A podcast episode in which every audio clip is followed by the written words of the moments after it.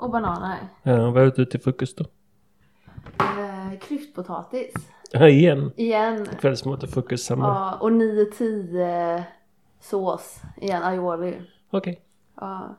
9-10 grejen är ju lite av min favoritgrej här på Folkparksklubben. Mm. Eh, såklart det är, så är det alltid. Ja. Brukar du också vara i den? Ja, ibland lämnar jag rätt mycket. Jag lämnade lite ägg förra veckan. Jag tror du har tagit dem. Ja. Mm. Det var- ja Varsågod. de, det står inget namn på dem. Nej, Det var Nej. för att det var 9-10. Ja. Så tänkte, så tänkte jag på dig. Tack så mycket. Ja, för nu spelar jag faktiskt in här. Så nu måste vi nästan förklara vad 9-10 är för någonting. Ja, det kan väl du göra. Ja det kan jag göra. Jag är ju lite, 9-10 är en, för, är en regel här på fallskärmsklubben. Det finns säkert på fler ställen. Jag vet inte. Det finns på många fler ställen. Ja, är det en fallskärmsklubbsgrej? Ja, det är det nog. Fast när vi var i Frankrike och tränade en gång i La Palisse som ligger uppe på Massif Central. Så hade vi varit där i två eller tre veckor. Nej, tio dagar hade vi nog varit där. Alltså då tränade vi tio dagar i sträck och sen tog vi en hel dag off. Eh, så kvällen innan den här dagen då vi skulle vara helt lediga så brukar alla dricka till. Liksom, för det kunde man inte göra när man skulle träna i åtta hopp om dagen. Eh, Eller nio. Så då... Eh, den kvällen så hade vi lite ont om, om liksom eh, eh, starksprit. kan man väl kalla det. Alltså vin och så fanns ju. Det fanns ju hur mycket som helst. Det är ju Frankrike så där är det ju fat överallt. Liksom. Man kan dricka hur mycket vin man vill. Men eh, då stod det lite whiskyflaskor uppe på sådana här hyllor som tillhörde allihopa. Och då... Då var det någon som såg den och så sa, sa vi bara 9-10. så rökte den och det var aldrig någon som claimade tillbaks den så det var okej. Det var så ja. Mm. Ja, ja, förklaringen på 9-10 då ja, just det. Att det är väldigt mycket folk som rör sig på till exempel fallskärmsklubbar. Och det är väldigt mycket mat som lämnas, väldigt mycket kläder, väldigt mycket av allting. Och då ska man skriva sitt namn på sina grejer så att ingen annan ska ta dem. För ifall det inte är ens namn så är det up for grabs för vem som helst. Mm. Och då så ska man ju räkna till 10. Eh, och har ingen claimat det så är det ditt. Men då är det förkortat till 9-10 regeln. Ja, för att det ska gå snabbare att räkna. Ja, 9-10. och så tar man den. Ja. Men egentligen ska man ju räkna från ett men Ja, det har blivit förkortat för att det ska gå snabbare. ja. Det tycker jag är rimligt. Jag tycker också det är rimligt. Ja. Men du, hur, hur länge har sa du att du har varit med i Skånes fallskärmsklubb? Sen 1981. 81. Vad har hänt de här åren? Hur mycket som helst. Vi började, jag började hoppa på Rinkaby. Eh, som ett annat fält här. Som var helt fantastiskt och det var jättebra. Eh, Det fanns tre banor som man kunde starta med det lilla planet vi hade då i sex olika riktningar. Man kunde alltid starta mot vinden.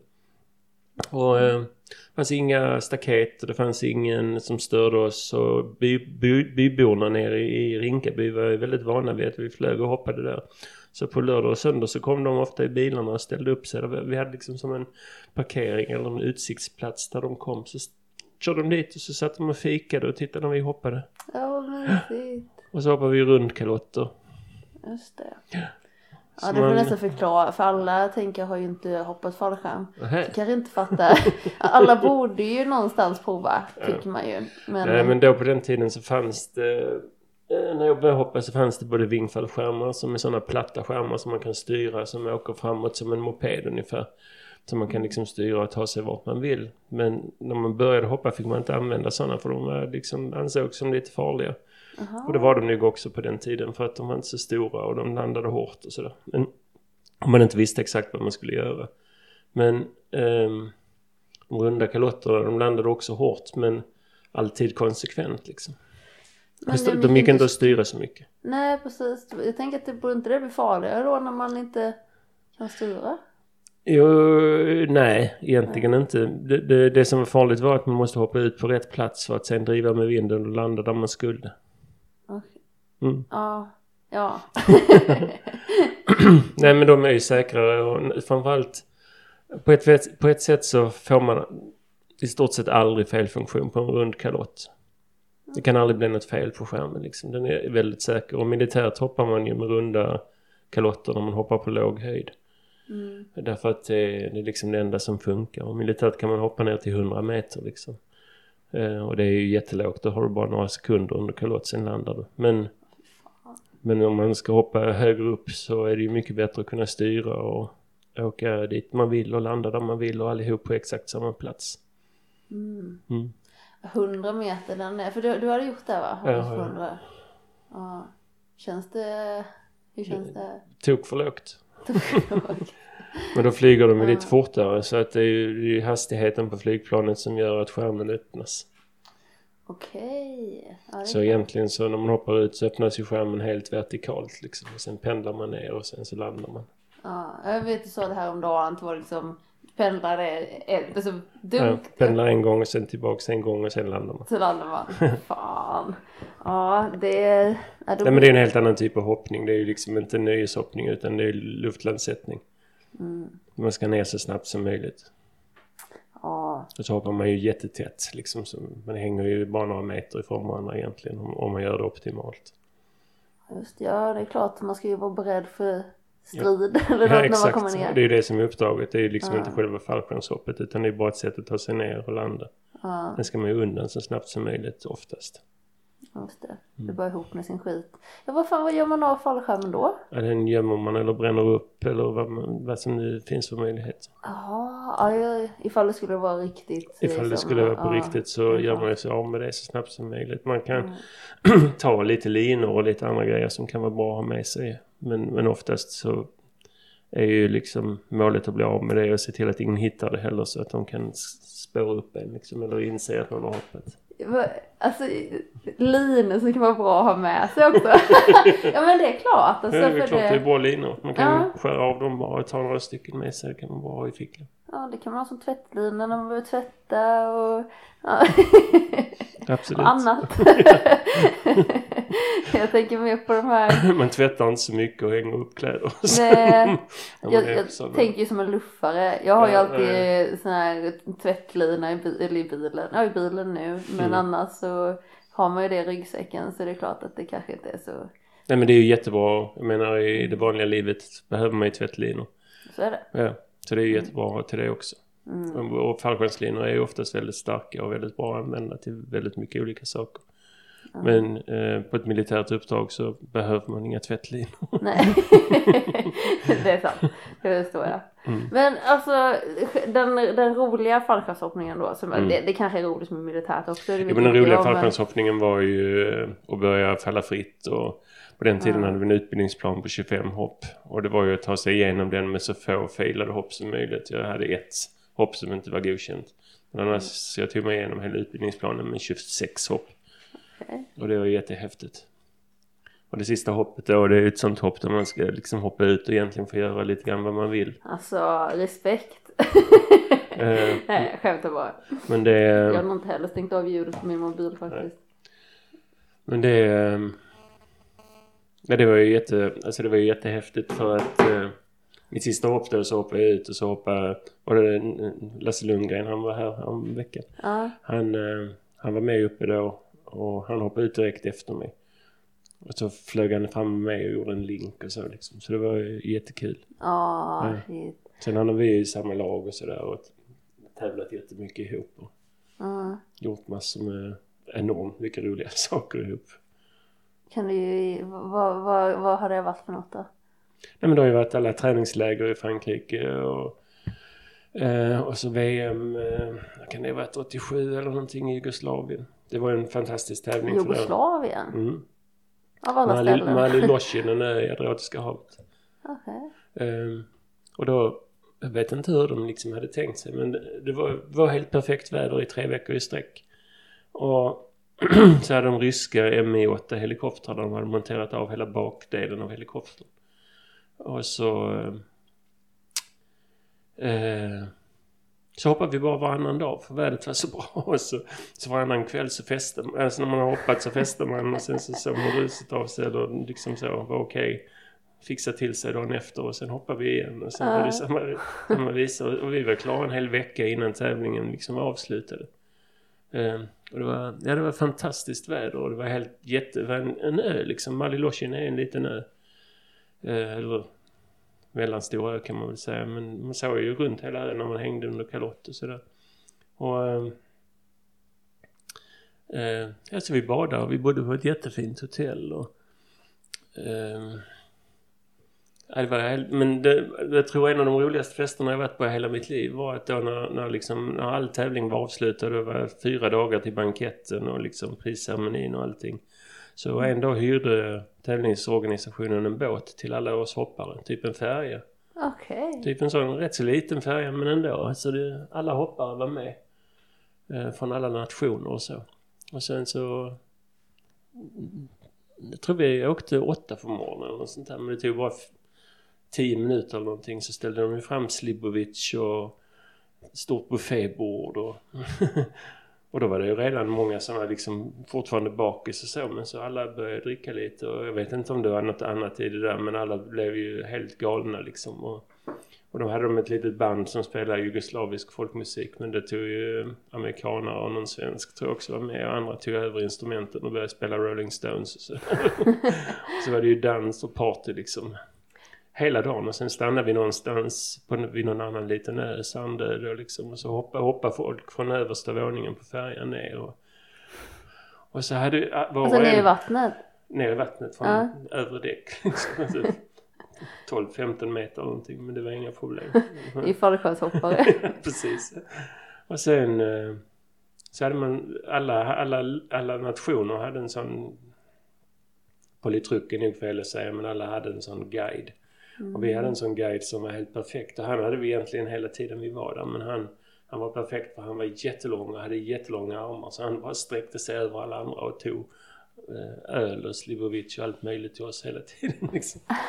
Men, nej, men så satt vi där i Medelhavet liksom i perfekt tempererat vatten och drack öl och, och en stund. Sen gick, gick vi över ön igen för färjan tutade. Då skulle de åka inom en halvtimme. Så fick vi gå över ön igen och sen på färjan. Sen fortsatte festen hela vägen och då, då kom eh, jugoslaviska flygvapnet med helikoptrar och flög på exakt, samma exakt nivå med, med eh, övre däck där, all, där hela festen var liksom. Och, ja, det, var, det var maxat häftigt alltihop och bra musik och det var, fest, ja, det var skitkul fest hela vägen. Sen när vi kom in i hamnen igen eh, på den ön Maliloshin då så innan, innan de la till så började folk hoppa igen. Liksom. så de fick liksom stanna och försiktigt kolla att inte någon var i mellanbåten och kajen. Ja, det var en jätterolig fest. Det är nog den roligaste festen jag har varit på hela mitt liv faktiskt. Alltså, Ja, jag tror det fortfarande. Men det, Jag har varit för många roliga fester. Ska Ja. man tillägga då. det kan jag tänka mig. För du, hur många länder har du varit i sa du? 140. Ja, då måste du ha festat i ganska många länder. Ja, fast de flesta länder jag varit i så har jag varit i jobbet. Ja. Och de flesta möten jag varit på har jag haft kostym och slips. Mm. Då kan man inte släppa och lösa Jo, det är klart man kan, men de har ofta kunder eller leverantörer med sig. Mm. Och då får man ju inte bete sig hur som helst liksom. Nej. Men i Jugoslavien kunde man bete sig hur man vill. Ja, och så med falk... Alltså det är ju någonting... Jag tänker... Fallskärmshoppare är lite mer eh, fria. Ja. ja, men det måste ju vara bland det enda sporten som har ett VM där det är typ varannan dag fest. Alltså det kan ju inte vara några andra VM i sporter som har det så. Sen kom ju, sen kom ju det här med dopingregler och allt möjligt annat. Så då, jag menar nu senare tid så är det ju inte likadant. Men då, då var det, allting var ju helt fritt liksom. Ja. Och det var ju inga dopingkontroller eller någonting alls. Är det det nu med alkohol menar du? Nej men ja, alkohol är ju en drog. Man får ju inte... Nu är det väl sagt så att i alla dopingkretsar att alkohol är ett pre- prestationssänkande Ja. medel. Men det är ju fortfarande så att en del, alltså man tar typ två centiliter eller någonting.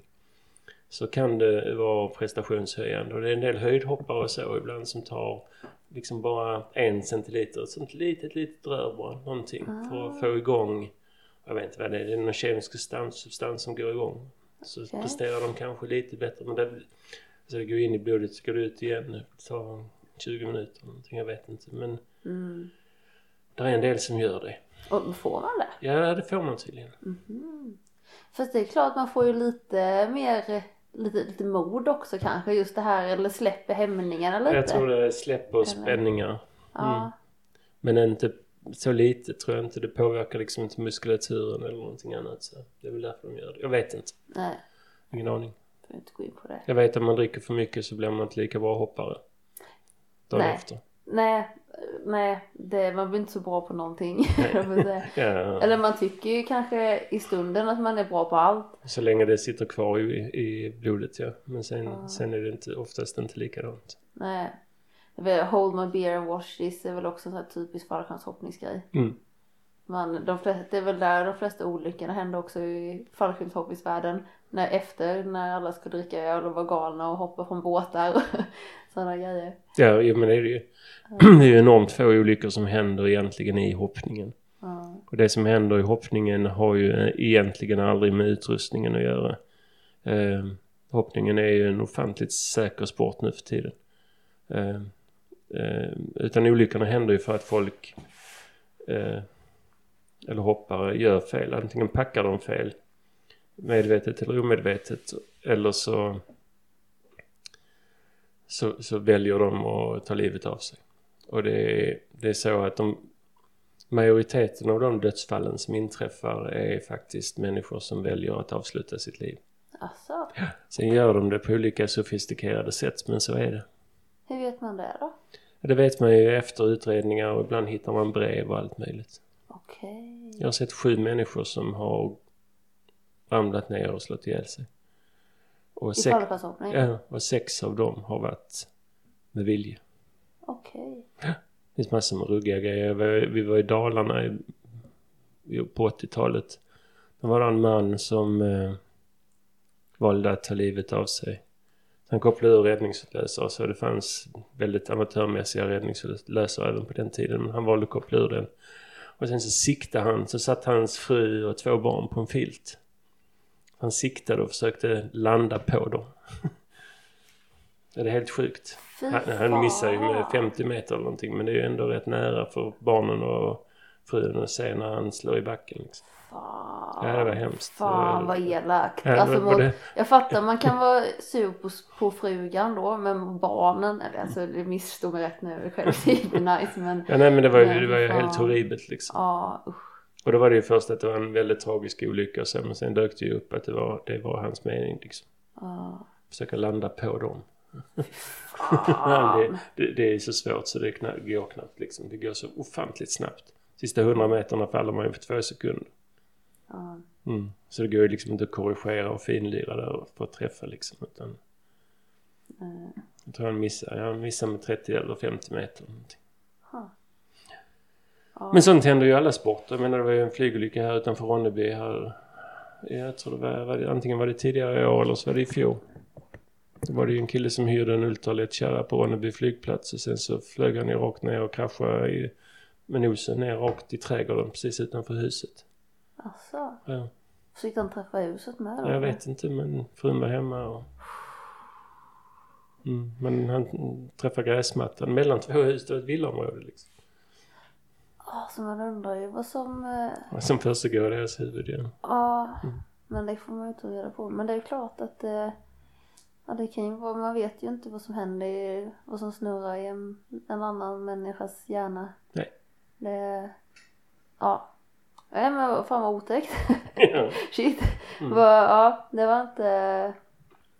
Men du, du har varit med om lite roliga saker också. Mm. Men jag tänker, alltså det här med du säger att det har ändrats mycket också vad som, jag tänker att det, det, med, det är ju mycket mer regler nu. Men var det lite roligare innan när det inte var lika mycket regler? Nej. Eller ja, kanske. Ja. Nej men då, då, då, kunde man, det var ju mer liksom på något vis att man kunde experimentera och det var mer äventyr och så. Och sen blev jag ju sån här kontrollant, alltså som innebär att jag jag hade ju, jag var ju tvungen att besiktiga alla skärmar och alla riggar, alltså selar och sådär och jag var ju tvungen att eh, eh, se till att allting var liksom okej och att ingen hoppade med vad som helst. Alltså man kunde inte ta kunde inte hoppa ut med lite lakan för att prova och sånt där utan jag hade ju koll på det. Sen var jag dessutom instruktör, alltså jag var AFF-instruktör som innebär att man hoppar ut med en elev första hoppet och, och de faller fritt från första hoppet från 4000 meter och sådär. Och sen var jag tandempilot och jag utbildade tandempiloter. Jag var hoppmästare och hoppledare och jag hade alla behörigheter man kunde ha. Ja, rigg. eh, Ja. ja. Ja. Sydde min egen rigg. Ja, det är lite coolt. Det kan ju inte vara så jättemånga som har sytt sin Mm. Nej, egen det är inte nog många. Ja, en base-rigg. Ja. Ja, som du hoppade med. Ja, Och överlevde för du sitter ju här. ja det gjorde jag. Jag hade tur. Nej, det var skicklighet. Jag var väldigt noga. Och det gick jättebra. Ja. För jag avbröt dig, vad pratade du om? Du sa något annat. Innan. Vi du sa någonting och sen så, var du som frågade om det var roligare förr.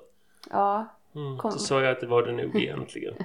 Därför man, nej men när jag hade alla de, när jag hade alla de behörigheterna så, så var det ju ingen som kunde säga emot mig om jag ville testa någonting.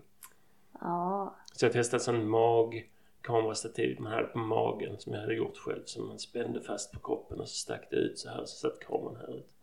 Ja, En eh, 60 meter eller något från kroppen då. Ja, Ja. på den tiden så fanns det ju inte GoPros och sånt där utan det var ju en videokamera med bandspelare och alltihop liksom. Just det, det var ju stora Ja, grejer då. stor grej så. Men det funkar inte. Nej. ja, men någon måste ju vara den som testar fram också till... Ja, ja, ja. Nej, men det var, ju, det var ju forskning på hög nivå. Ja, ja men det är ju learning by doing. Mm, absolut var det så. Och så var det med många olika grejer vi gjorde på den tiden. Mm. Alltså man är ju lite bortskämd idag på så sätt att GoPron är, alltså vad kan den väga? Alltså det är inte många 40 gram eller Ja, 60 gram. det är ju eller- nästan ingenting och den är ju...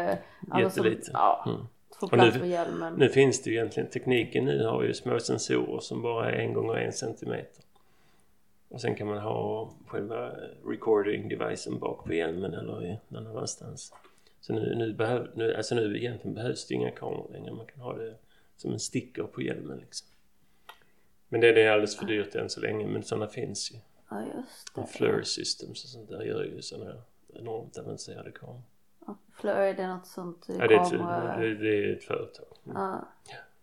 Ja det Och är och klart. man, då kan man säga att det finns många andra företag som också Nej det här är inte så, så var det är fördelen med podcast. att Man, man behöver inte ha sådana här. Jag har, re- jag har rekommenderat Ikeas batterier och... Ja. Men Ikeas batterier är jättebra. Nu slutar ju Ikea använda litiumjonbatterier. Okej. Mm. Vadå, vad... Är Ja, inte så- vad, vad är alternativet? Nej, de har något mycket mer miljövänligt som kommer nu. Okej. Och mycket mer laddningsbart. Ja för de, för jag har ju sådana batterier i den här apparaten. Som är laddningsbara. Eh, som är laddningsbara. Mm. De jag har i nu är inte Ikeas. Nej. Det är därför de... Snart, snart, snart Ja, slut. podden blir så lång tills de här batterierna är slut. För att Mm. mina Ikea-batterier är urladdade och jag har glömt ladda dem som morsan. Mm. Eh, men de är skitbra. Alltså de räcker dubbelt så länge än andra batterier jag har provat. Ja, men Ikeas laddningsbara batterier ska räcka 200 laddningar. Okej. Mm, minst. Ja.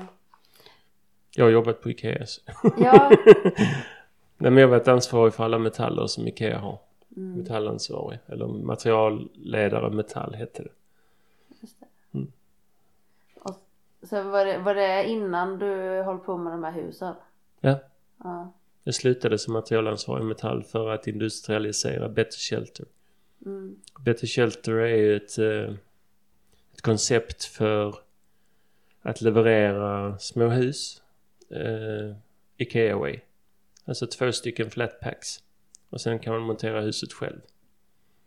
I flyktingläger. I flyktingläger eller vid eh, naturkatastrofer till läkarmottagningar eller men i primärt flykting, flykting eh, till flyktingläger.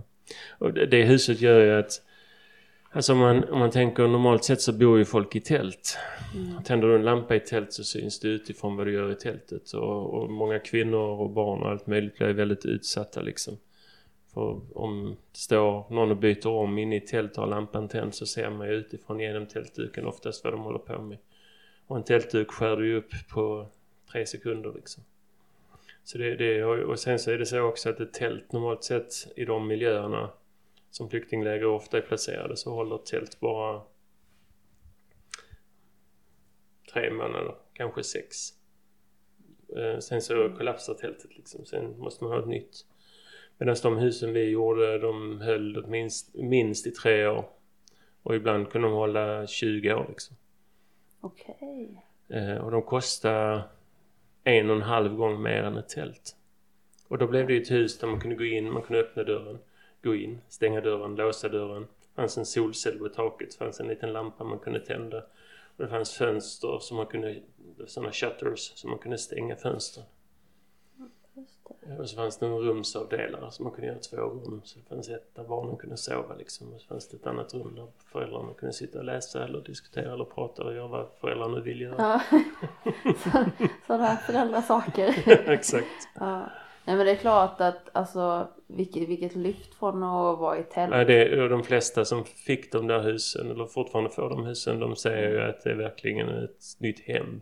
Ja. Det är liksom inget tillfälligt boende utan de känner, många av dem känner att de kan bo där länge och det som är fint också är att man kan packa ihop det där huset igen. Så när man ska flytta hem till den byn där man eventuellt flydde ifrån när saker och ting har lugnat ner sig och återgått så kan man ta med sig det huset och sätta upp eh, på sin tomt och bo i det medan man bygger upp det huset som kanske är sönderbombat när man bodde inne. Just det ja. Så det är så många fördelar så det är knappt sant. Ja. Men just att man kan också bygga ihop dem och göra rätt stora enheter liksom där, där man kan ha läkarmottagningar. Och som jordbävningen i Nepal för några år sedan. Då, då köpte ju alltså Läkare Utan Gränser köpte ju sådana hus och satte upp där som mottagningar, läkarmottagningar. Mm. Och, och eftersom de är så, så små och lätta liksom så kan man ju flyga ut dem. Ja, det är, det är Och sen tar det. Det tar väl fem sex timmar att montera dem. Okej. Ja det är riktigt, det är Mm. Det är Ikea. riktigt Ikea. Det är Ingvar Sen måste man Kamprad. veta vad man gör liksom för att eh, om man inte vet det så är det som en IKEA-möbel. Det kan gå helt fel. Ja så är det ju. Men det, det är ju rätt så, Men det är en sån, en sån. IKEA-monteringsanvisning med så. ja men det är liksom sida för sida Mm. och skruv för skruv och Ja, ja. ja. Och hur många skruvar det ska vara och så. Mm. Ja men de så- är ju väldigt pedagogiskt. eh, Ja men det var vår manual också. ja. Men mitt jobb där var ju att industrialisera det projektet och få igång det liksom. Hur gick det då? Gick bra. Vi sålde 30 000 hus till UNHCR första året. Och skaffade, jag tror det var 23 leverantörer i 17 länder. Och så hade vi en packlina i Polen där allt packades i de här containrarna. och så. Vad kostar ett sånt hus då? Eh, under 1000 dollar. Ja.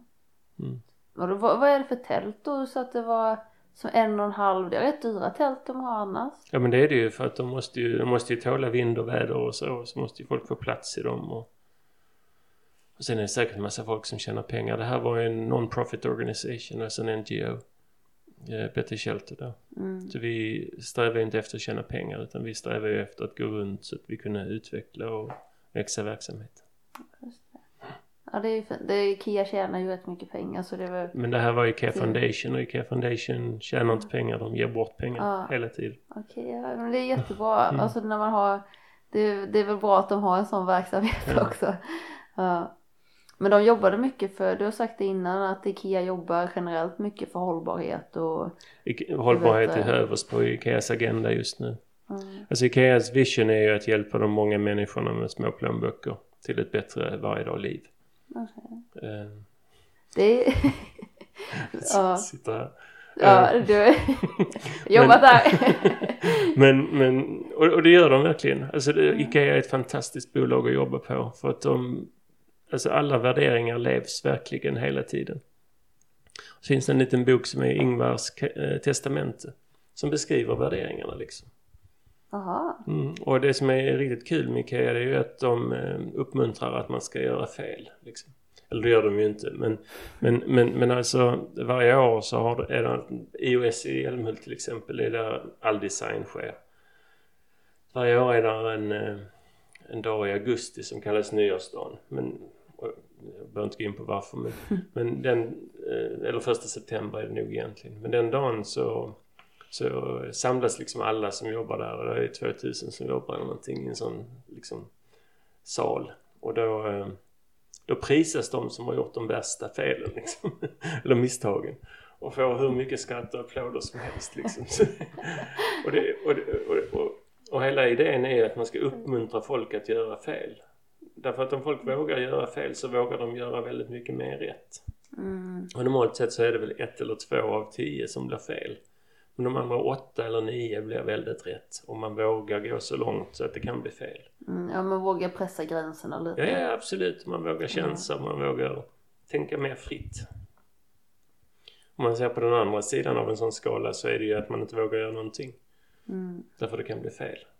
Ja, men det hämmar ju väldigt många människor. Ja, absolut, det hämmar nästan Ja. alla som jobbar med design och... Ja, med alla aspekter i livet Ja, tänker jag nästan ja, att man, Absolut. man går inte utanför sin comfort zone, att man stannar liksom, ja men det här vet jag, så Mm. då, ja och går man inte utanför, alltså det kan ju bli fel men det kan Mm. ju också bli skitbra. Nej, men det, det, det är jätteviktigt att gå utanför sin comfort zone. Är... Mm. sen, sen är ju frågan om det finns... Alltså man pratar ofta om att gå utanför din box eller sådär men det viktiga är att det, det finns ingen box liksom. Eh, Det är det som är viktigt att tänka. Ja, Mm. den, är, den existerar inte. Nej. Nej. Nej, det är ju det. Så man inte sätter in sig själv. För det är ju en själv som sätter de där begränsningarna också. Och det är ju inte, man får bryta ner väggarna en efter en. Ja. Fast det räcker med att bryta ner en. Så är man ju ute. Man är, ute, nej, man är ute av någonting, från någonting där man tror finns som inte finns liksom. Så, så det Ja. handlar inte om det. Det handlar ju om att eh, det handlar väldigt mycket mer eh, om att se inåt. Vad är Mm. bra för mig? Himsa. Ahimsa. Ahimsa. Ahimsa. Himsa. Jag ska se om jag kommer ihåg detta. Du har ju lärt mig detta. För, Mm. Vi har inte sagt vem du är. Nej, Anders. ja, Anders heter jag. Hej Anders, välkommen. Hej. Låter som ett AA-möte. Hej Anders. Eh, eh, vad sa jag? Nej, du, Innan, du eh, ahimsa. Jag försökte komma ihåg vad det betyder. Eh, det betyder eh, att mm, göra saker med minsta möjliga påverkan.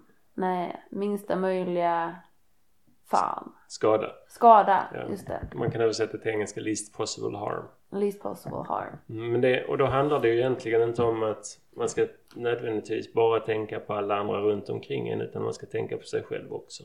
Mm. Som du ser ett stort bord fullt och det finns eh, eh, sega godisgrejer och det finns choklad och det finns eh, glass och så finns det grönsaker och finns det kiwis och det finns så när man då väljer vad man ska äta så, så kan man bara göra en sån snabb ahimsa-tanke. Vad, vad är minsta möjliga skada för mig själv beroende på vad jag väljer?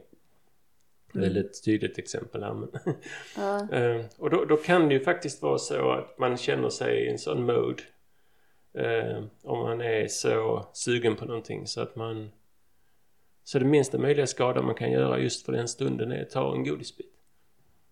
Ja, för att du är sig själv då. Ja, för att, Man- för att ens egen kropp kanske reagerar på ett sånt sätt så att man återställer saker. Alltså det, det är inte nödvändigtvis att det ska vara det som då är i, är i teoretisk eller praktiska För hela världens för hela eh, världen eller någonting annat utan det är ju vad som för stunden kanske gör minsta möjliga skada för dig själv. Mm. Men sen kan det ju vara andra saker. Jag menar som när jag var affärsområdeschef på ett företag som heter Lindab. Eh, så kan man ju fatta beslut som kanske är least possible harm för hela organisationen. Eh, och då handlar det inte alls om mig utan då handlar det ju liksom om att tänka himsa för hela organisationen. Just det. det blir Eh, lite jobbigare. Inte nödvändigtvis om man har några alternativ man har jobbat fram. Och så får man liksom verkligen tänka efter kanske en dag eller två innan man fattar ett beslut. Mm. Men det handlar mer om en grundfilosofi och en tanke. Och det kommer ju egentligen från Vedantan. Som är en yogisk eh, lära. Kan man säga. Ja, för du är yogalärare också. Jag är yogalärare. Ja. Och himsa kan ju också vara att man inte köper nya IKEA-möbler varje månad och slänger på soptippen.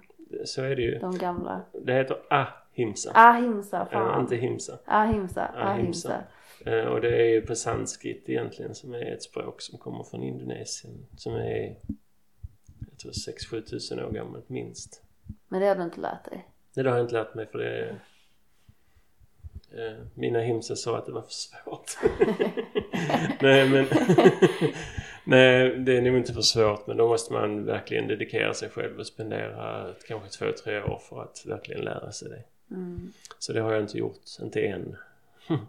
Ja, du vill.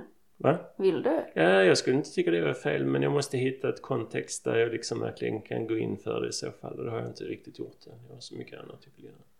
Ja. du har ju en del Ja. du sysslar med. Men eh, det som... Mm. Nej.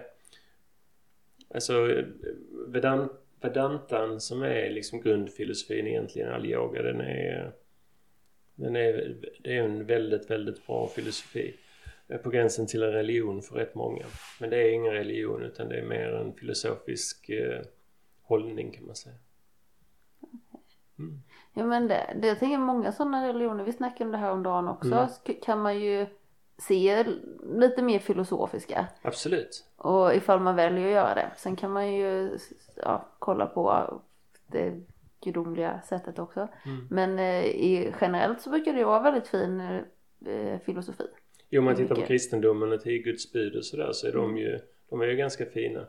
Ja, Ehm, och det finns ju sådana bud i de flesta religioner. Tittar man på kristendom och muslim, eh, den muslimska religionen så, så är det ju egentligen samma gud. mm, Det är bara att vi kallar guden olika beroende på vem vi, vilken religion vi tillhör. mm, sen har jag rent personligen väldigt svårt att tro på att det finns någon där uppe som sitter och bestämmer saker. ja. Eh, Jag är mer in, jag tänker mer på att det är naturen och. Det var en som sa så här till mig, det tyckte jag var rätt bra. För jag frågade, ja men om det nu är moder jord, vad, vem är pappan då? Men det är ju solen såklart. Han skickar ju ner spermierna så att eh, allting ur moder jord kan växa. Och jag bara, ja men alltså lite så. Ja, Ja, jag tycker det räcker. så är det ju. Ja, det är en bra liknelse. Ja, Så är det ju egentligen. mm. Utan solen hade ju kanske inte jorden växt och förökat sig och levt. Det har inte funnits någonting utan solen. Nej, nej, nej, såklart. Solen är ju våran, eh, utan den energikällan så har vi ingenting. det varit en stenklump där bara. Ja. ja, den är rätt viktig. Pappa är viktig. Ut- Utan en pappa så finns man inte. Nej. Ja. Nu kommer vi bort från sanskrit. Mm. Jag bara tänker solen är ju riktigt potent för han skickar ju hela tiden. Ja, den får aldrig slut på giss. Ja, men det är lite så. Men eh, det, ja, det hade varit tråkigt eh, utan solen. Hade det. Eller då hade vi inte vetat, då hade vi inte funnits. Så nej, då hade du inte... nej, nej, nej, då hade ju hela jorden varit en stor stenklump som tumlade runt i himlen, i, i eh, universum. Ja. Mm. Har du några så här favoritplatser på alla de här, vad sa du, 141 länder? 140. 140? Kan man få det när man har varit på så många platser? Kan man få favoriter? Nej, det är lite svårt för det beror lite grann på vilka, vilket känsloläge man är i. Mm. Men en plats jag gillar väldigt, väldigt mycket är Perth i Australien. Ja. För det är ett sånt ställe som är... eh, Det är så remote liksom. Man kan ta tåget dit från Melbourne eller Sydney och så men det tar tre dygn. Eller så kan man ju flyga dit och det tar tre, fyra timmar. Och alla där är liksom så eh, väldigt laid back liksom. För det, från Melbourne och Sydney och Brisbane och, och eh, Canberra som är huvudstaden i Australien. Där, där ser de liksom på Perth som kusinerna på landet. Men, men Perth är ju, alltså det är ju enormt modernt. Och det är fantastiskt hav och vatten och jättebra klimat året runt liksom. Och, ja, det är verkligen en häftig plats och folk är laid back och går i shorts liksom eh, på kontoren och sådär. Ja, det, det är verkligen en härlig plats. Jag har sprungit naken genom Perth en gång. Jaha, var det ett vad eller? Vad sa du? Var det ett vad? Jag kommer inte ihåg hur det där gick till. Det var jag och min kompis Jacob. Av, jag, kom, jag vet, jag minns verkligen inte. Som jag minns det så he- vi hade kläderna på oss och sen så andra sekunden hade vi inte kläderna på oss. Och sen så sprang vi längs med någon gata. Så just det, det minns jag nu. Han host, för vi bodde på något hostel och hostelägaren hade tagit Jacobs kläder också när vi kom tillbaka. Eh, han var inte så glad på han. Eh, Det, det är ungefär mitt. Så jag sprang. Men jag gillar, jag gillar västra Australien jättemycket. Mm. Det är fint. Mm. Eh, Även norröver men egentligen söderöver är det ännu finare. Man kommer ner till Margaret River och ja. där är det mer beväxt och det är mer eh, eh, det är mer som, som, vad ska man säga, klimatet är ju eh, mer kanske som ett europeiskt klimat. Om man kommer längst ner söderöver till, ja, till Margaret River. Och, ja, jag har inte varit där nere. eh, men där kan... är vindistrikt och sådär och där är eh, rätt mycket liksom lövskog och Det är fantastiskt fint där nere. Ja, fint. Ja, för det, när den kommer lite mer norr så är det ju väldigt Ja, mycket det, öken. ja, ja, det är det ju. Det är ju nästan bara öken. Det är där uppe gruvorna finns. Det är där jag har varit mycket. Just. Men då har du sett alla de här, alltså när man åker på de här långa vägarna Ja. och alla de här djuren som ligger helt upp. Så det kan ligga en kossa så, så ligger de med benen rätt upp för de är så uppsvällda. Ja. De är, ja, det är en spännande plats är det. Mm. Men eh, häftigt. Mm. Men australienare är ganska laid back generellt. ja, det är de ju. Är de. Det Det, beror lite grann på var man är. Jag menar, är man i affärskvarteren i Melbourne eller Sydney så, så är de ju lika... eh, Har egentligen samma stil som de har i London eller i Frankfurt eller New York eller... mm, Mm. Men eh, det är ju för att det är den kulturen som förflyttas i hela världen. Så är de ju i Johannesburg också. Sydafrika. ja, just det. Mm. Ja, Johan, hur är det? För det är väl, är inte det något jätte, jättekriminellt? Eller märker man av det när man är där? Nej. Eh, Det är väldigt, det- alltså det är väldigt segregerat i Sydafrika fortfarande. Eh, Men är man på de rätta ställena i Johannesburg så, så märker man ingenting. Men om man åker ut liksom till där kåkstäder och så är så är det ju fruktansvärt. Så det är, nej, det är enormt segregerat och så är det ju egentligen i hela Afrika på... Alltså man kan ju... Alltså jag, jag kommer ihåg första gången jag var i Addis Abeba så bodde vi på Hilton. Och sen så byggdes det ju ett, eh, ett av världens finaste Sheraton-hotell mitt i Addis. Eh, Addis Abeba då som huvudstaden i Etiopien heter. Och då runt hela hotellet så var det ett jättehögt staket liksom. Men utanför staketet så var det ju kåkstad liksom. Och så kom ju alla in och bodde på det här jättefina hotellet liksom. Fan, det Eh, måste ju kännas rätt Ja, det knasigt. kändes knasigt. Man åkte in med sin bil där genom grindarna och stod vakter och så och kollade. okej. Och sen... Eh, ja, så åt man ju jättegod västerländsk mat liksom. Man kunde få etiopisk mat där också. Etiopisk mat är fantastiskt gott. Det är sån här injera.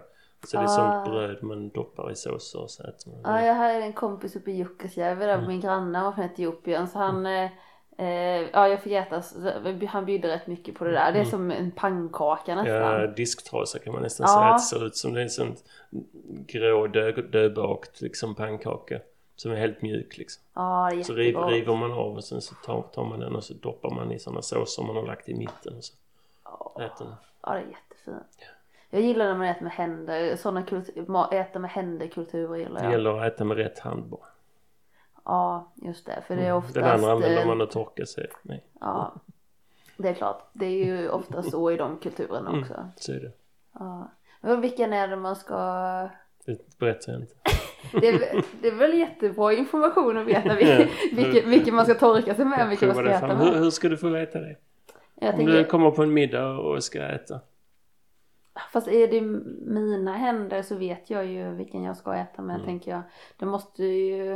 Ett tips är att inte ta första tuggan utan titta på vilken hand de andra äter med. Sen gör man likadant. Ja, ja för då annars kanske de blir lite... Ja, de kan bli rätt bestört. Ja. Och är det olika? Nej, Eh, nej. nej. det är alltid samma. Varför vill du inte berätta det? Nej, därför det ska du få lära dig själv. Okej, det kan jag göra då. Mm. Men jag tänker att jag...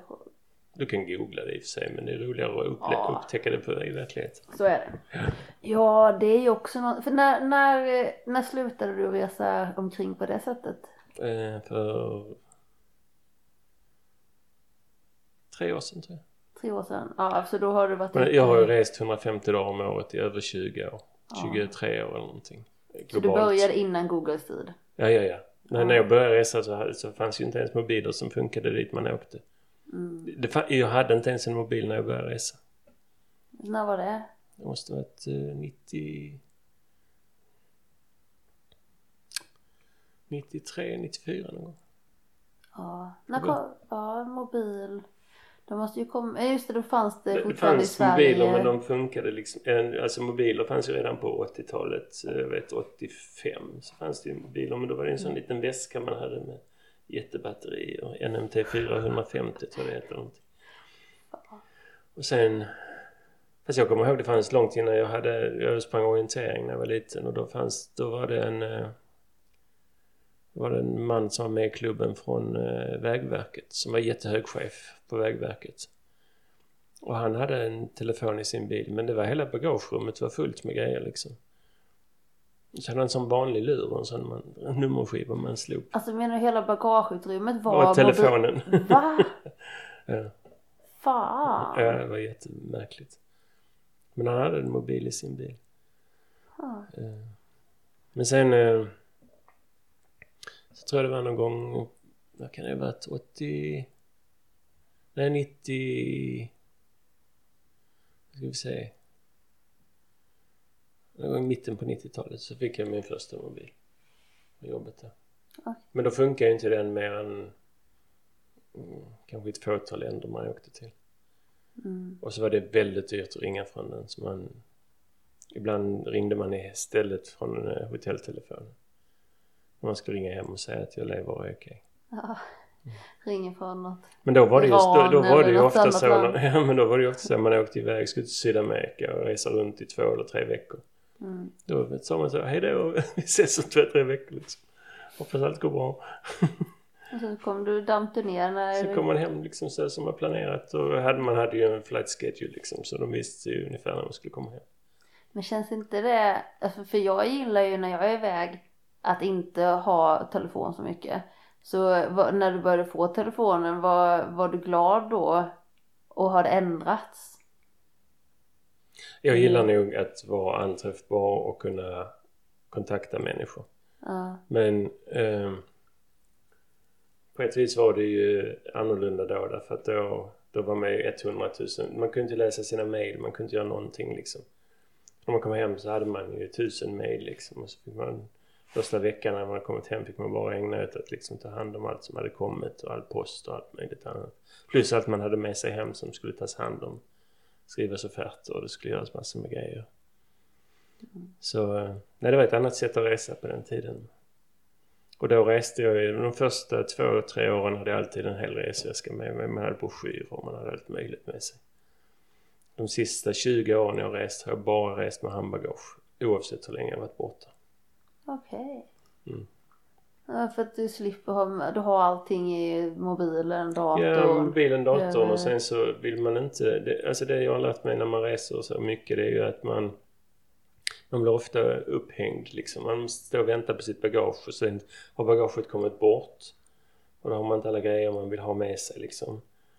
Så man, och så att stå och vänta på bagaget kan ju ibland ta en hel timme liksom. Mm. Mm. Och sen som jag reste, alltså på slutet när jag bodde i USA och reste. Då var jag...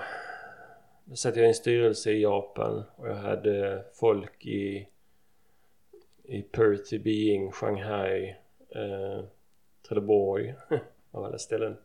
Och eh, i Sorocaba utanför Sao Paulo i Brasilien, i Chile, i Santiago och i, i, eh, i Peru och Argentina och Kanada och USA. Så, och fabriker då plus försäljningsorganisation. Så fem gånger om året så reste jag från New York till San Francisco, San Francisco, Perth, nej San Francisco, Brisbane, nej Sydney, Brisbane. Sen Brisbane, Perth, Perth, Beijing eller Shanghai, Beijing eller Shanghai till eh, Köpenhamn och sen Köpenhamn, New York igen. Fan. Och den resan gjorde jag på mellan fem och sex dagar. Ja, det är då- fy fan. man, det är... man, man är egentligen mer i luften än på marken. Ja. ja, det är klart. Då vill man inte stå och vänta en timme på att få sitt bagage. På varje ställe. Nej. Nej. Och sen, sen är det ju så också att då åker man ju längst fram i flygplanet. Så man, man sover ju på flygplanen. Ja, så man behöver det, nästan det inga hotellrum. Nej men det, alltså då förstår man ju att det finns. Att det blir ju ens eh, tillfälliga hem. Ja, och jag var ju tvungen. Det, det var ju liksom direkt rapporterande chefer till mig. Jag var tvungen att besöka dem liksom. Sen ibland kallade jag ju dem till mig men... Men eh, det var ju liksom såna, Det var en sån standardresa som jag var tvungen att göra fem gånger om året. Ja. Sen förutom det var jag ju tvungen att åka till Sydamerika och träffa de fyra ställen eller fem ställena jag hade där. Och till Kanada. Eh, och sen hade vi en försäljningsorganisation i Europa som bestod av 40 kontor liksom. Så ja, det var ju, det är ju resande hela tiden liksom. Är du nöjd med det då? Så här, Nu efteråt så har det ju varit en fantastisk resa men jag har ju två två kraschade äktenskap och eh, jag hade önskat att jag hade bättre kontakt med mina barn. Mm. Mm. Men det är ju inte för sent. Nej, nej, nej. Ingenting är för sent. Nej. Men jag, det är kan klart. Gifta, jag kan gifta om mig igen om jag vill. Så är det också. Ja, Det finns många potentiella fruar där ute. absolut. Det... Ja, men det måste ju vara, de måste ju ha en liten galen. En galen. Alltså på ett bra sätt galen. jag tänker alltså som är lite, eh, lite vild då, kanske ett bättre ord. Mm. Eller kanske inte förenligt med ha- ahamsa. Ahimsa. Ahimsa, fan! Nej men jag är nog... Eh, jag är nog... Jag är, jag är nog lite galen. Men jag är inte galen på ett dåligt sätt. Jag är, eh, jag är liksom inte på något vis eh, våldsam eller... Nej, Du är väldigt lugn. Alltså känns det som i alla fall. Tyvärr. Jag vet ju hur man dödar folk och så. Det har jag lärt mig. Men, Ja. Den lilla detaljen. men det gör jag aldrig nu för tiden. Nej. Nej, det är ju Det det har jag slutat. Ja, det är bra. Du har slutat att resa 150 dagar om året och du har slutat döda folk och du lever ganska mycket efter ahimsa. Ja. Ja. Mm. Men du håller ju på med rätt mycket alltså extrema grejer måste man ju ändå säga. Så base, för du hoppar fortfarande base eller? Ja, kan man säga. Jag vill inte prata så mycket om det för... Men det är, det är klart, alltså det är jättekul. Är det så du vill eller så? Nej, jag vill inte prata så mycket om det så. Ja okej. Nej. Det behöver du inte. så bra. Eh, Nej men det är väl klart. Ja, eh, det jag ville me- mena med att det var på det sättet jag tänkte hon måste vara lite galen eller lite vild. Att hon kanske ska tycka om att göra lite sådana här eh, eh, extrema saker. Men det kan ju vara någon i hoppvärlden som, som har blivit lämnad av en affärsman eller någonting. Så. Ja, så kommer du som den eh, före detta affärsmannen. Exakt. Ja. Eller ser du, du så dig själv som en affärsman eller Nej, jag gjorde det då ju. För då var jag ju det. Då, då satt jag, i jag har suttit i koncernledning. Jag har varit vice koncernchef för ett börsbolag och eh, jag har suttit i koncernledningar och ledningsgrupper väldigt högt upp. Jag har haft 4000 anställda under mig. Ja, det Ja. är helt omänskligt. Nej, det är inte omänskligt. 4000. Men Det är många. Ja, ja, det är jättemånga. Men det är Ja. befälsföring det handlar om liksom. Ja, du är duktig på det. Jag tror det. Det har lärt mig det militära. Ja, men annars hade du inte fått jobben heller. Nej. Men för mig att tänka mig, alltså jag har ju aldrig haft några chefsjobb. Att sätta mig in och ha 4000 personer under mig. För Mm. mig är det helt, ja jag hade inte pallat det. Jag tror inte det är ansvaret som det hade krävts. Jag lärde mig en sak i det militära när jag blev ju befäl. Alltså jag var ju fallskärmsjägare sen blev jag befäl på fallskärmsjägarskolan och sen gick jag officershögskolan och så. Men på fallskärmsjägarskolan så var vi ju ofta väldigt små grupper och i väldigt utsatta situationer. Ehm, och då, då, det fanns en bok som hette Anvisning fallskärmsjägare. Och där fanns några kapitel som handlade om chefen i en sån liten grupp som skulle sp spana eller spionera eller vad man nu vill kalla det. Ja, Eh, eller göra eh, sabotageuppdrag. Eh, och då är det en, eh, där är, där är en bild där det är en, en grupp som sitter i, i och det är snö då. Eh, rätt djup snö så sitter man i sådana snö, man hade ju kläder som var vita för att inte synas i snön liksom. Och då sitter hela gruppen ner i snön och sen så ser man att det viner kulor liksom runt omkring i luften så liksom. Vi- Uppenbarligen blir gruppen eller vi det beskjutna. Eh, Så står det att i eh, jag tror det står i stridens hetta så, så riktas alla blickar öppet och förstulet mot chefen. Och chefen är du. Och det, gör ju, alltså det, det, det tog mig hårt när jag läste det första gången. Och jag insåg liksom att det är jag som är chef. Så jag, jag måste ju liksom ge direktiv. Jag måste leda det här liksom. mm. Oavsett vad som händer. Eh, och det skapade nog egentligen min ledarskapsgrund. Eh, grund. mm. ja men för det var ju det du sa häromdagen också just att en ledare ska ju se till att de, de runt omkring en är eh, lika bra eller bättre än sig Ja, själv. Helst bättre Ja, än vad man själv är på det mesta. Ja. Mm. Det man ska göra som ledare är ju liksom att rikta in dem och, eh, och se till att eh, man har en strategi och en vision som, som liksom leder all, hela verksamheten i rätt riktning. Man ska ju inte berätta för alla som jobbar under en vad de ska göra, det ska de ju kunna. Mm. Det är bra. Mm. Ja, och då växer de ju också. Och Ja, då ja. kommer de ut sin De comfort växer, zone. organisationen växer och är de bättre på allt det de kan än vad jag är, och det måste de ju vara. Jag kan ju inte vara bäst på allt. Och, nej. Hur sätter man ihop en sån ledningsgrupp?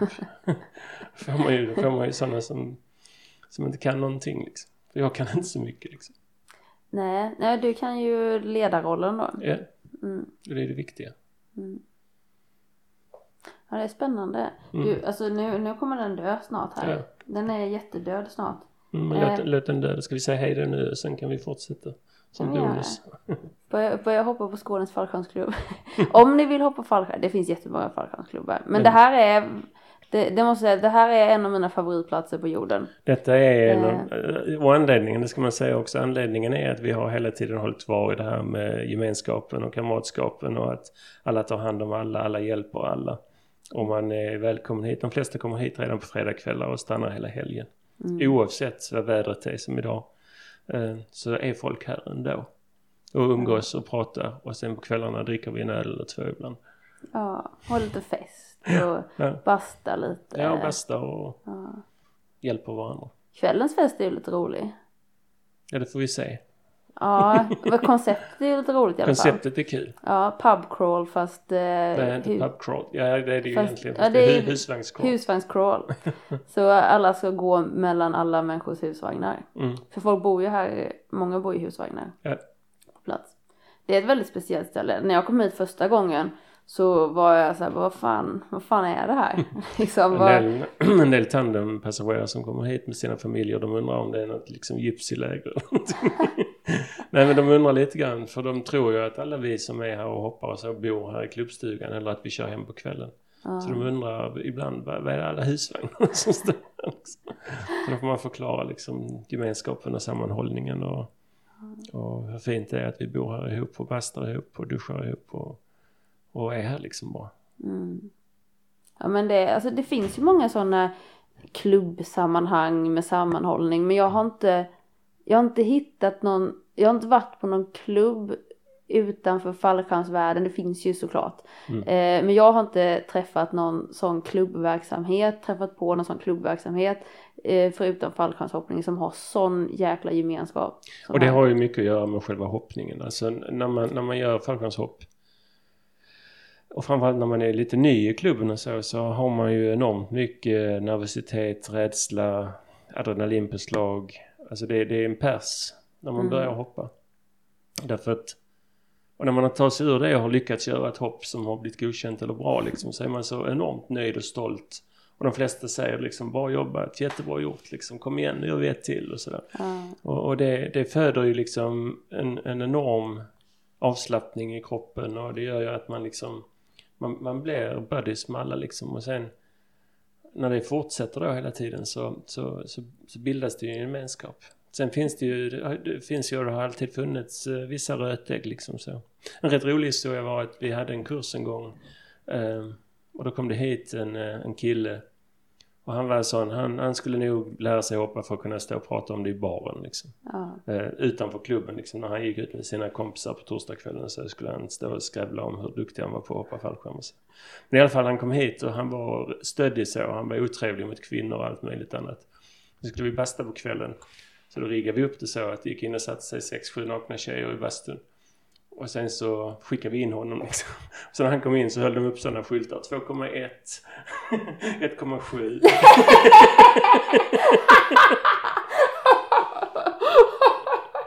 Det här är ju klockrent. det var klockrent. Han sprang ut igen. Sen så, han kommer aldrig tillbaks. Han gjorde inte det? Nej, jag tror inte det. Nej, nej, Han blev men, så förolämpad. Ja men det är klart. Fan, Jag tror de alltså, väntade en liten stund liksom. Så han först fick säga att alla de satt nakna. Och här, bastar vi ju nakna tillsammans. Ja. Vi bryr oss inte så mycket. Eh, men eh, när han blev verkligen förnärmad och chockad. Och Ja, ja men det är fan komma, alltså för det är ju väldigt fel plats att komma och, Och kaxa sig liksom. Ja, Ja, och ja. kaxa sig och vara otrevlig mot folk Mm, och Ja, framförallt har kanske har en skev kvinnobild och så. Ja. Mm. Ja, det här är ju väldigt likvärdigt. Fan. Ja, men det var jävla bra gjort. Ja, det var jättekul. Fan. Ja, snyggt jobbat. Han sprang iväg med svansen mellan benen. Ja men det är alltså, alltså som även, alltså jag som inte är här, fan jag har ju inte hoppat på hur många år som helst. Mm. Och jag känner mig jättevälkommen. Ja, men det är det ju. Ja, tack. Mm. Ja men och jag känner verkligen det också. Det är inte något som, alltså det man kan ju säga, folk kan ju säga det men man inte kanske alltid känner det. Men här, jag känner mig verkligen välkommen Mm. när jag kommer hit. Och det är jättefint. Mm. Eh, att det får, finns plats för lite ohoppande luffar, avdankade turkeys. Ja, nej men har, du, du är inte en turkey för du har ju hoppet. Ja men turkey är väl när man är i början. På sin, Ja, ja, ja, just det. Så är då är det. min turkey. Så jag har väl eh, totalt bara Ja, 35 en cold turkey nu. Ja. men det hade varit kul. Alltså jag har ju lagt ner det där om att jag ska börja hoppa. Men sen så, jag har, det här är ju, jag vet ju att det här är jättedumt och att man ska ju absolut, man måste ju ha jättemånga fallskärmshopp och vara duktig och kunna kontrollera sin skärm och allting för att kunna hoppa base. Men det hade varit spännande att prova någon gång. Mm. Mitt råd är att man ska ha minst man ska ha mellan 500 och 1000 hopp innan man börjar hoppa base. Ja. Men eh, det är många som börjar hoppa base när de bara har 30 hopp och så. Men jag anser inte att det är säkert. Nej, men det är det ju inte. Det, det fattar jag ju. Mm. Eh, men det hade varit roligt. Ja, ja, ja, såklart. Det är mycket som är roligt i livet. Det är ju det. Ehm, men eh, ah, man får väl se. Sen är det många sporter som är nästan identiska med hoppning när det gäller... Alltså det är som att surfa på rätt stora vågor och så. Eh, Det är ju också enormt svårt och tar lång tid att lära. Men där, där slår man ju inte ihjäl sig liksom. Men, men det är ju samma, det är liksom samma träning och adrenalinpåslag och så för att komma upp på brädan. Så gör man en sväng och sen ramlar man liksom. Men, men det är samma, det är liksom samma grej. Det kräver, kräver att man satsar och man håller på och man tränar och tränar och tränar och tränar. Sen till slut så blir man bättre liksom. Mm. Och sen om man börjar bli bättre så blir man ju bättre i en accelererande hastighet liksom. Hur många hoppar du? 3 500. Det är ett par stycken. Tre och ett halvt tusen hopp. Mm.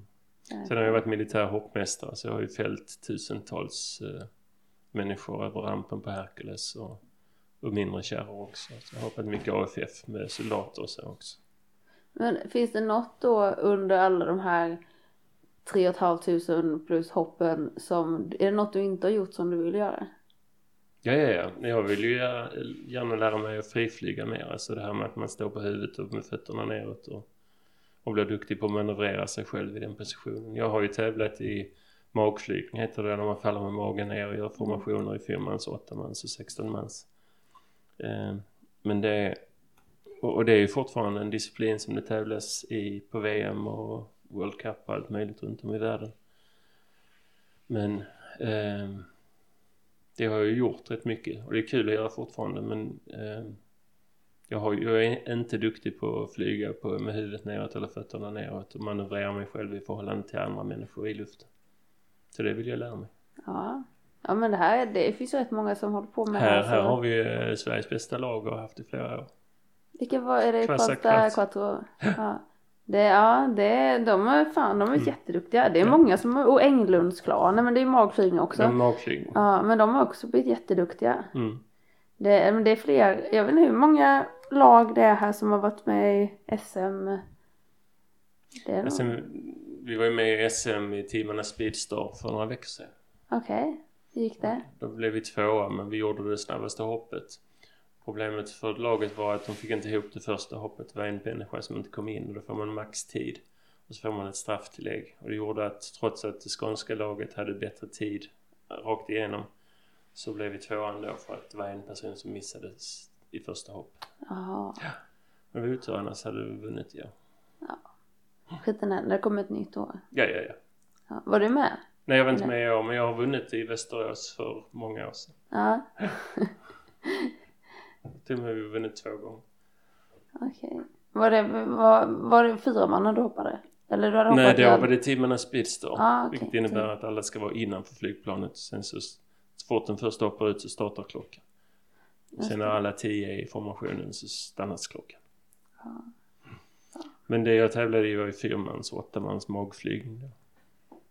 Eh, och då handlar det om att man hoppar ut och så ska man göra ett antal förutbestämda formationer och så ska man göra dem så och det är det fem eller sex formationer i varje hopp och sen så ska man eh, göra den rundan så många gånger som möjligt. Eh, både i fyrmans och åttamans. I fyrmans är tävlingstiden 35 sekunder och i åttamans är den 50 sekunder. Just det. Så fyrmans hoppar man från 3000 meter och åttamans från 4000 meter. Ja, Mm. okej. Ja. Vill du tävla igen då? Ja, det vill jag. Jag- Alltså, en av mina gamla eh, lagkompisar och jättegoda vän Lasse Lundgren, han var här förra helgen och började hoppa igen. Han har inte hoppat på 20 år tror jag. Eh, men vi pratade om att dra ihop ett lag till SM nästa år. Vi har, ju, ja, vi har ju ingen chans att vinna överhuvudtaget men det skulle vara kul att bara vara med som en sån retrolag liksom. Ja, men Kan vi verkligen. hoppa i jeans och t-shirt liksom. Ja, ja men Och verkligen. inte de här Porsche-overallerna som finns nu för tiden men utan bara vara med och köra lite liksom. Ja. ja, men det är ju bara att, det är två till då. Ja, Ja, och vi är på de gamla lagmedlemmarna och se om de inte kan också komma hit och börja hoppa igen så vi kan börja träna. Så får man köra en träningsvecka här och kanske en timme i vindtunneln och sen... mm. Ja, Vindtunnel är ju också Ja, det är en game spännande. change- changer och den har ju funnits nu i tio år liksom. Ja, vilken skillnad. Minst. Mm. Och vad blir det? Alltså hur, ja det blir väl ett eh, fallskärmshopp per minut då. Ja, Lite mer Det nästan. blir lite mer än ett. Så. Ja, så en timme blir... Man kan säga att en timme motsvarar nästan 100 hopp. fan. Mm. Det... Sen orkar man inte mycket mer än en timme per dag i tunneln. Man blir väldigt trött liksom. Mm. Ja, man, man kan inte köra en konstigt. timme i sträck heller, det är helt omöjligt. Men man kan köra tre minuter i sträck och sånt. Ja, jag har bara provat, jag tror, jag vet inte, åtta minuter eller vad fan det nu var. sträck? något Sånt där. Nej, Nej, nej, vad är det, två minuter i taget? Man... äh, max två tror ja, jag. jag tror att det var något sånt där. Men, Jag, hade, jag tog mina, när vi bodde i USA, tog jag mina döttrar till vindtunneln i North Carolina, South Carolina. Det är där amerikanska armén tränar så de har en rätt stor vindtunnel där. Och det var skitkul, då köpte vi en timme där. Och så delade vi på den hela, vi var fem i familjen då. Min fru och Mm. jag och så mina, våra tre barn. Men då körde vi lite tremanna, jag och en instruktör och min fru. Och det var ju skitkul. Men sen eh, flög mina döttrar också. De, de två äldsta döttrarna, de var liksom så, de, de, de hade sån mental inställning på fallskärmshoppning och hoppa ut från flygplan och de tyckte det kändes farligt för dem och så. Medan den yngsta, hon var nog sex eller sju år då. Och hon hade ju inga perceptions alls liksom. Hon, hon, hon gick ju bara in med instruktören då så höll han henne. Så efter 30 sekunder släppte han henne liksom. Hon flög helt själv så liksom bara. Hon tyckte det var hur coolt som helst. Det var inget konstigt alls liksom. Hon gick upp och ner och hon svängde och liksom. Ja, men det är skit, men det är den där boxen vi snackade om Ja, innan. ja, ja. Hon har ju inte satt sig in i den. hon visste ju hon- ingenting om det liksom. Hon tyckte det var som en tivoliattraktion liksom. Ja, ja, men det är ju lite Sen har hon så. ju stått och tittat på alla de andra som flög där innan liksom. Så Ja. nej, den tyckte inte det var något konstigt alls. Nej, det var bara hoppa in. Men hon har inte, hon, hon, hon har inte, de har alla, alla tre har gjort tandemhopp efter det. Ja. Några tandemhopp. Och jag har varit med också men de... Eh, nej de har inte fa- fastnat för det. Och det har väl också varit så. För jag har ju sagt till dem om ni fastnar för det så blir ni som jag. Ja. Åh nej. Och nej. Åh nej. Ja, men det är väl inte helt fel. Nej det är kul. Ja, åka till Spanien eller Mallorca och jag menar du har ju ett rätt eh, fritt liv måste man ju säga. Nu är det jag är ju man kan kalla... Eh, ja, jag är inte pensionär men jag lever ju på mina besparingar nu som en Ja. pensionär. Sen väljer jag att kanske inte ta ut min pension förrän jag blir 65 eller vad det nu blir. Mm. Och det är hur många år som helst dit. Inte ens om man lever då ju, men eh, det gör man ju förhoppningsvis. Men du, du är ju en, en, en luffare som inte behöver leva för dagen. Ja exakt. Så eh, en, vad ska man säga, ett smidigt, eh, Smi- smidigt lufferi. smidigt lufferi. Ja men lite chill och du kan ju ja, göra lite som du vill. Men det ska man ju säga också att, eh, att, att jag har det som jag har det nu är ju för att jag inte spenderar mycket pengar. Ja. Mm. De flesta som har haft det typ, alltså nu har jag ju förlorat hur mycket pengar som helst i mina skilsmässor och jag har dessutom som med min senaste fru så byggde vi ett hotell i Älmhult som, som visade sig att det funkar inte. Mm. Så, eh, där har jag förlorat mycket pengar också. Men eh, jag har ju sparat jättemycket i ITP1 och ITP2 som är svårt men det, Ja, det var det, du snackade om häromdagen. ja, det handlar om olika typer av pensionsförsäkringar. Och, det, och, och de, de delar man inte vid en skilsmässa utan de, de är liksom mina alltid vad som än händer. Mm, Och där har jag ju hur mycket pengar som helst så det är det jag lever på nu. perfekt. Ja, det är perfekt. Ja, jag borde skaffa en sån där liten ITP-fond. ITP, det borde du ITP. göra. Ja, om man bara skulle kunna... Men det är som jag sa, alltså det som jag har gjort smart. Och det vet jag inte om jag fattade då, men jag har ju fattat det nu när jag har blivit eh, äldre och är där jag är nu. Det var ju att jag sa ju till mina arbetsgivare att jag ville ha den maxad så snabbt som möjligt så ville jag ha maxad ITP-pension. Ehm, och det gjorde ju att jag kanske gick ner lite i lön för att få max där liksom. Ehm, och det är ju det som är så fint nu. Ja, Sen har det ju placerats i, i olika fonder och olika... Just nu har jag ju en aktiv människa som jobb, hjälper mig med det. Inte, hela, inte 100% men han hjälper mig liksom, eller de på banken hjälper mig ska jag säga. Att hela tiden ha koll så att det växer. Så i fjol växte hela, alla pengar 10%. Oj. Mm, Ja, så, blir, så du kommer att leva bättre och bättre. kan man säga. Men jag kommer definitivt ha det som jag har det nu till jag blir 100 år. Fan. Alltså det är ju perfekt. Ja, det är helt perfekt. Ja, nej det är det. Ja, En liten sån där liten fond kanske. Mhm. Ja, jag, alltså det är, fan jag tycker det är jobbigt det här med pengar för att jag, jag har de de motiverar mig inte mer än att jag behöver mat på bordet. Så Mm. mycket motiverar de mig för att jag vet Men att ibland det behöver man är en biljett jobbigt. till, eh, till Peru. Ja, Eller, eh, ibland det är behöver- ju det där. Ibland Men det är fan, eh, Vill man bo på Mallorca ett halvår, ett år eller någonting. Då, man behöver ju inte nödvändigtvis ha massor med pengar för att köpa ett fint hus någonstans. Men man kan Mm. luffa runt liksom och ändå känna att man har alltid mat på bordet. Man kan alltid hyra en bil, man kan alltid åka till Indien med Ja, ett ja. eh, triang- triangakök Ja, ja, ja. och ja, lufttorkad. då hade jag inte mycket ITP när jag tågluffade i Indien. Det var 83. Ja, Mm. De körde ånglok överallt. Ja, just det. Mm.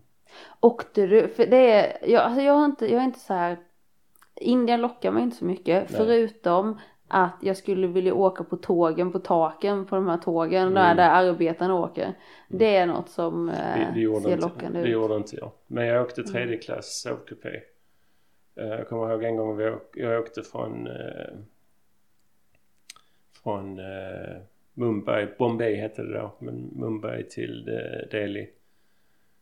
Eh, och det är egentligen inte jättelångt.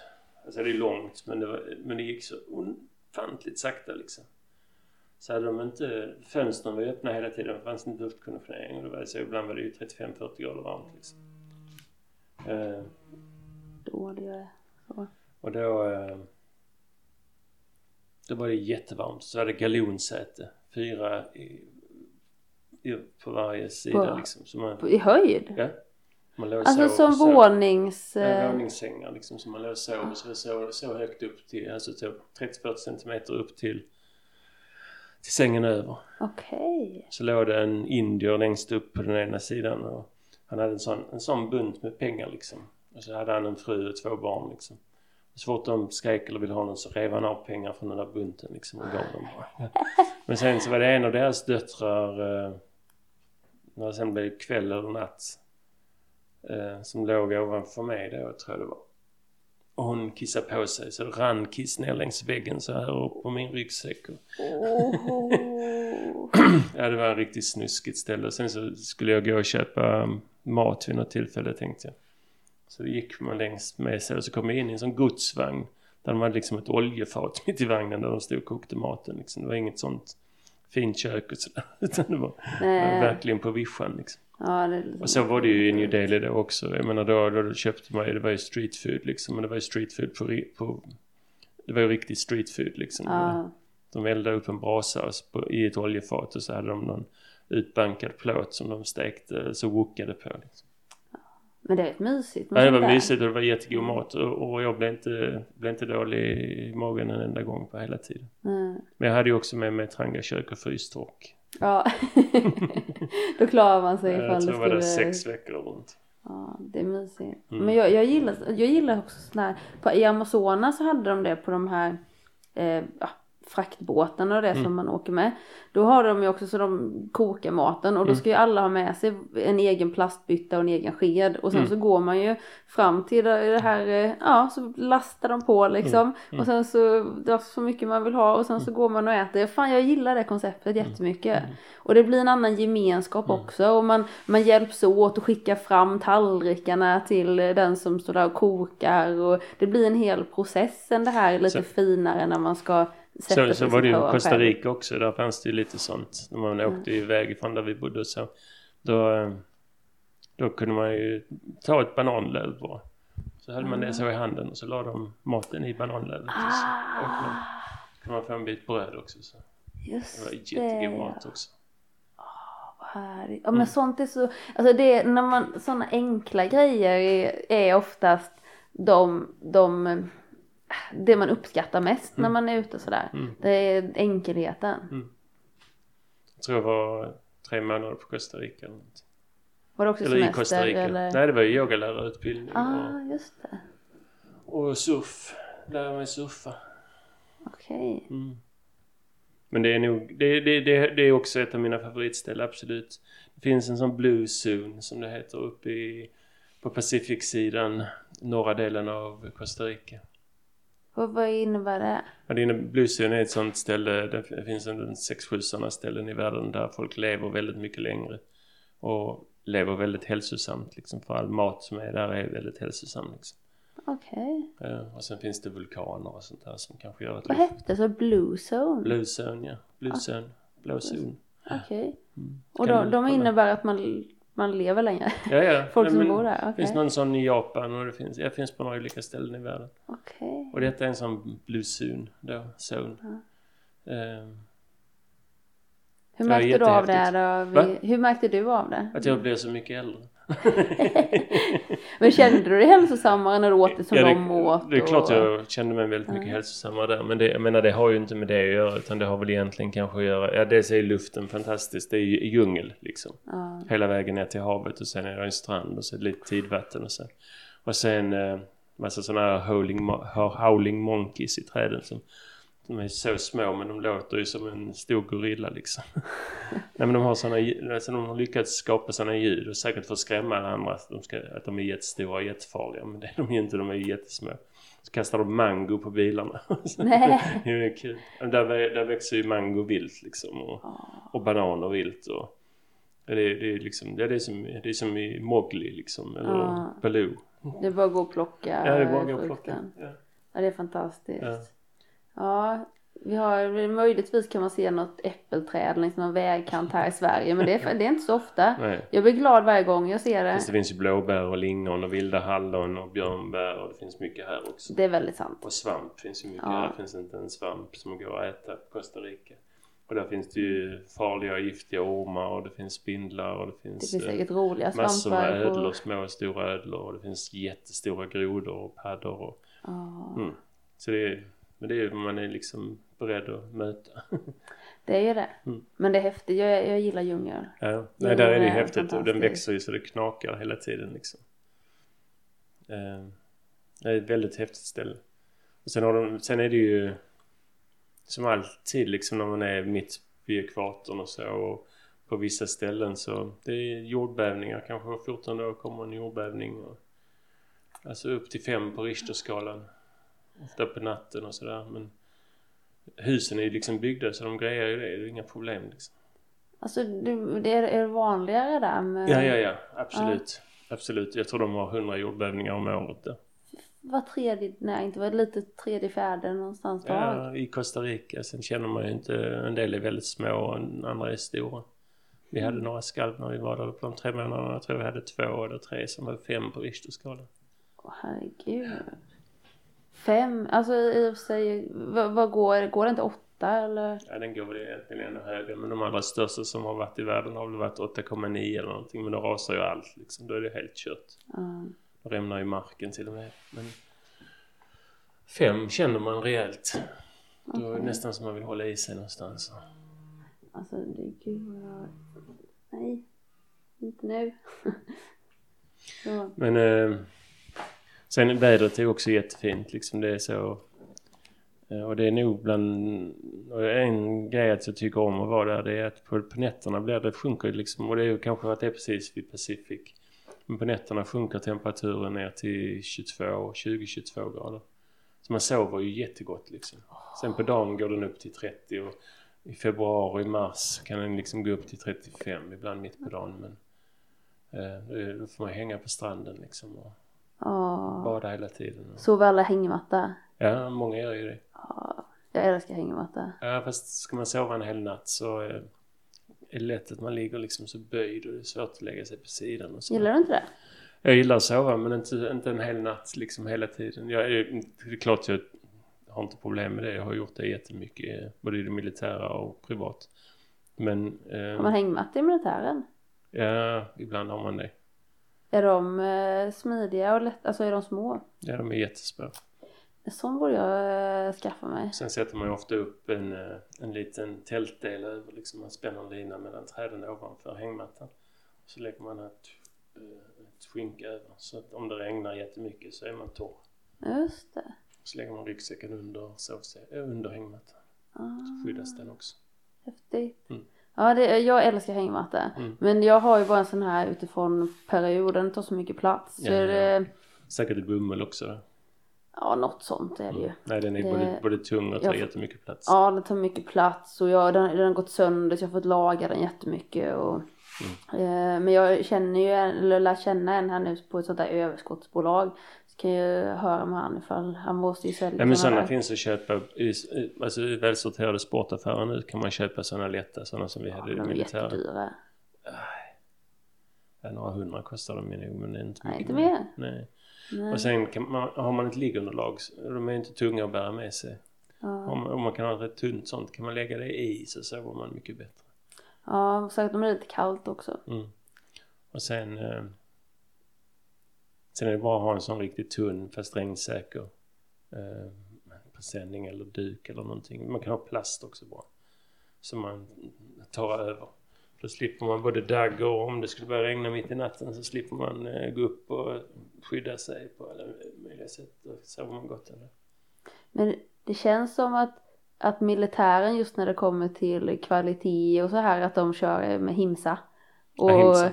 Ahimsa. Ja, att det ska vara lite, alltså nu i sig så tillverkas kanske inte så mycket i Sverige längre men förr så tillverkades ju grejerna, jag snackade med han, det med han den eh, gubben på det här överskottsbolaget att eh, då till- tillverkade de ju allting i Sverige. Mm.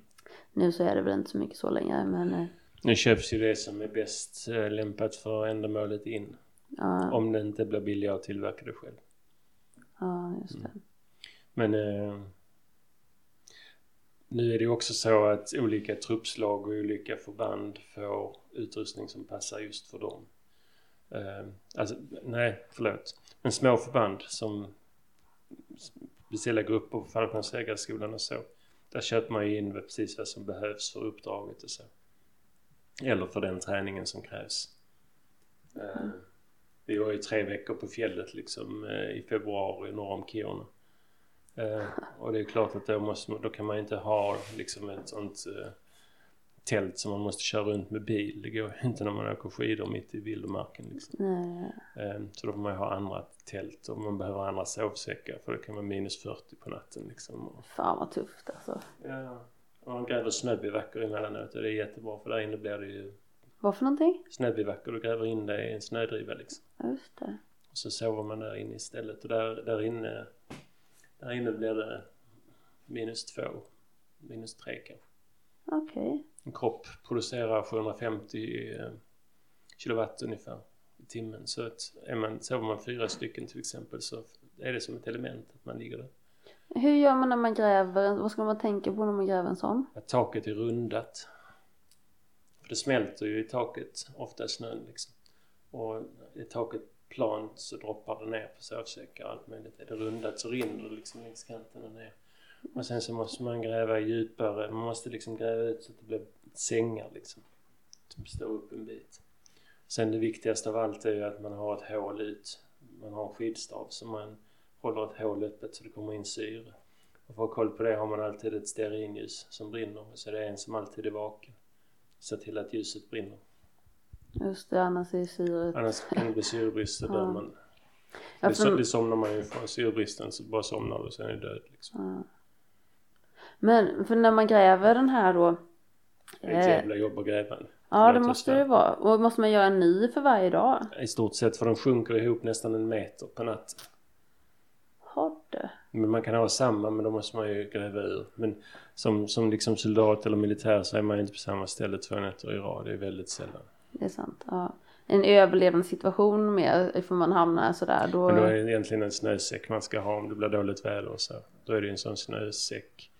Jag vet inte om du vet vad det är? Nej. Men, nej, det är en, det är en eh, vindtät påse kan man väl egentligen säga. Men som är stor nog för att man ska kunna sitta fyra, fem man i den. Och då gräver man ett dike. Och sen så fäller man upp den och så sätter man sig på kanterna av diket och sätter på den och sen så har man den över sig så. Så sitter man där tills snöstormen har bedarrat liksom. Just, men då måste man ha en sån där med sig. Ja, ja, det måste man alltid ha om man är på fjället när det kan bli vilket väder som helst. Om man är ute och vandrar och så också. Ja, det beror på. Är man ute och vandrar rent civilt liksom eh, på vintern i februari norr om Kiruna så kanske man ändå ska ha en sån med sig. Då borde man veta vad man sysslar med kanske. ja, det borde man. Ja. Jag, jag skulle gärna vilja vinterkampa. Jag sov Det sover Ja. jättegott på vintern. Alltså det är, jag har bara, jag, det var en av mina mål när jag var där uppe. Att jag ville vinterkampa och jag ville prata med samer. Mm. Det var mina två mål. Och jag sov en natt i Narvik. Sov Narvik. I Narvik. Jag, kom, ja, Det är jag inte skulle, bästa vädret i Narvik. Nej alltså det var för när jag kom, jag skulle upp till Nordnorge Mm. eh, och då först kom jag ju till Narvik där och när jag kom dit så, så var det så här, fan det är nollgradigt. Mm. och det var i februari, början på mars, någonstans, eh, slut februari, början på mars. Jag bara, vad fan det är ju jättevarmt. Jag tänker inte ha någonstans, alltså, betala för någonstans att bo när, när det är nollgradigt. så eh, då sov jag en natt eh, ute där och det är, det är jättemysigt. Mm. Är det. Men jag skulle vilja prova lite kallare temperaturer. När det är kallare så blir det varmare. Alltså? Nej men när det är runt noll och så, så är det ju så fuktigt. Ja, Alltså, eh, och Narvik framförallt för där är ju Atlanten. Det är det som gör att det är varmt också. Det är Golfströmmen som går upp och Atlanten är varm. Det är därför det är varmt i Narvik också. Det var det jag menade med att där är det inte så bra väder liksom. ah, Så är det ju längs hela norska kusten egentligen. ja just det. Eh, nej, då är det bättre att vara på, inne på den svenska sidan mer mot Finland liksom. Ja, ja men för det var rätt blött. Men jag, jag hade tur för när jag gick för att hitta dit jag skulle. Så på, längs med vägen så var det sånt där stor plast du vet som man plastar pallar med. Ja, ja. Det var helt perfekt. Det här är ju mitt eh, tak för, för natten. Och du rullar inte in i den då. Nej, jag vet inte. Men så fanns det ett litet hopptorn där nere. En sån här Mm. två, Badtorn liksom. Ja, som badhopptorn. Så då, jag tror det var, var tre våningar eller två eller tre. Ja men jag var i det näst längst upp i alla fall. Så då hade jag ju eh, det ena som tak och sen så hängde jag upp den här plasten med, med min sån lina som vi snackade om. Som all... Fallskärmslinan hade med dig. Ja, den så vi alltid har med mig.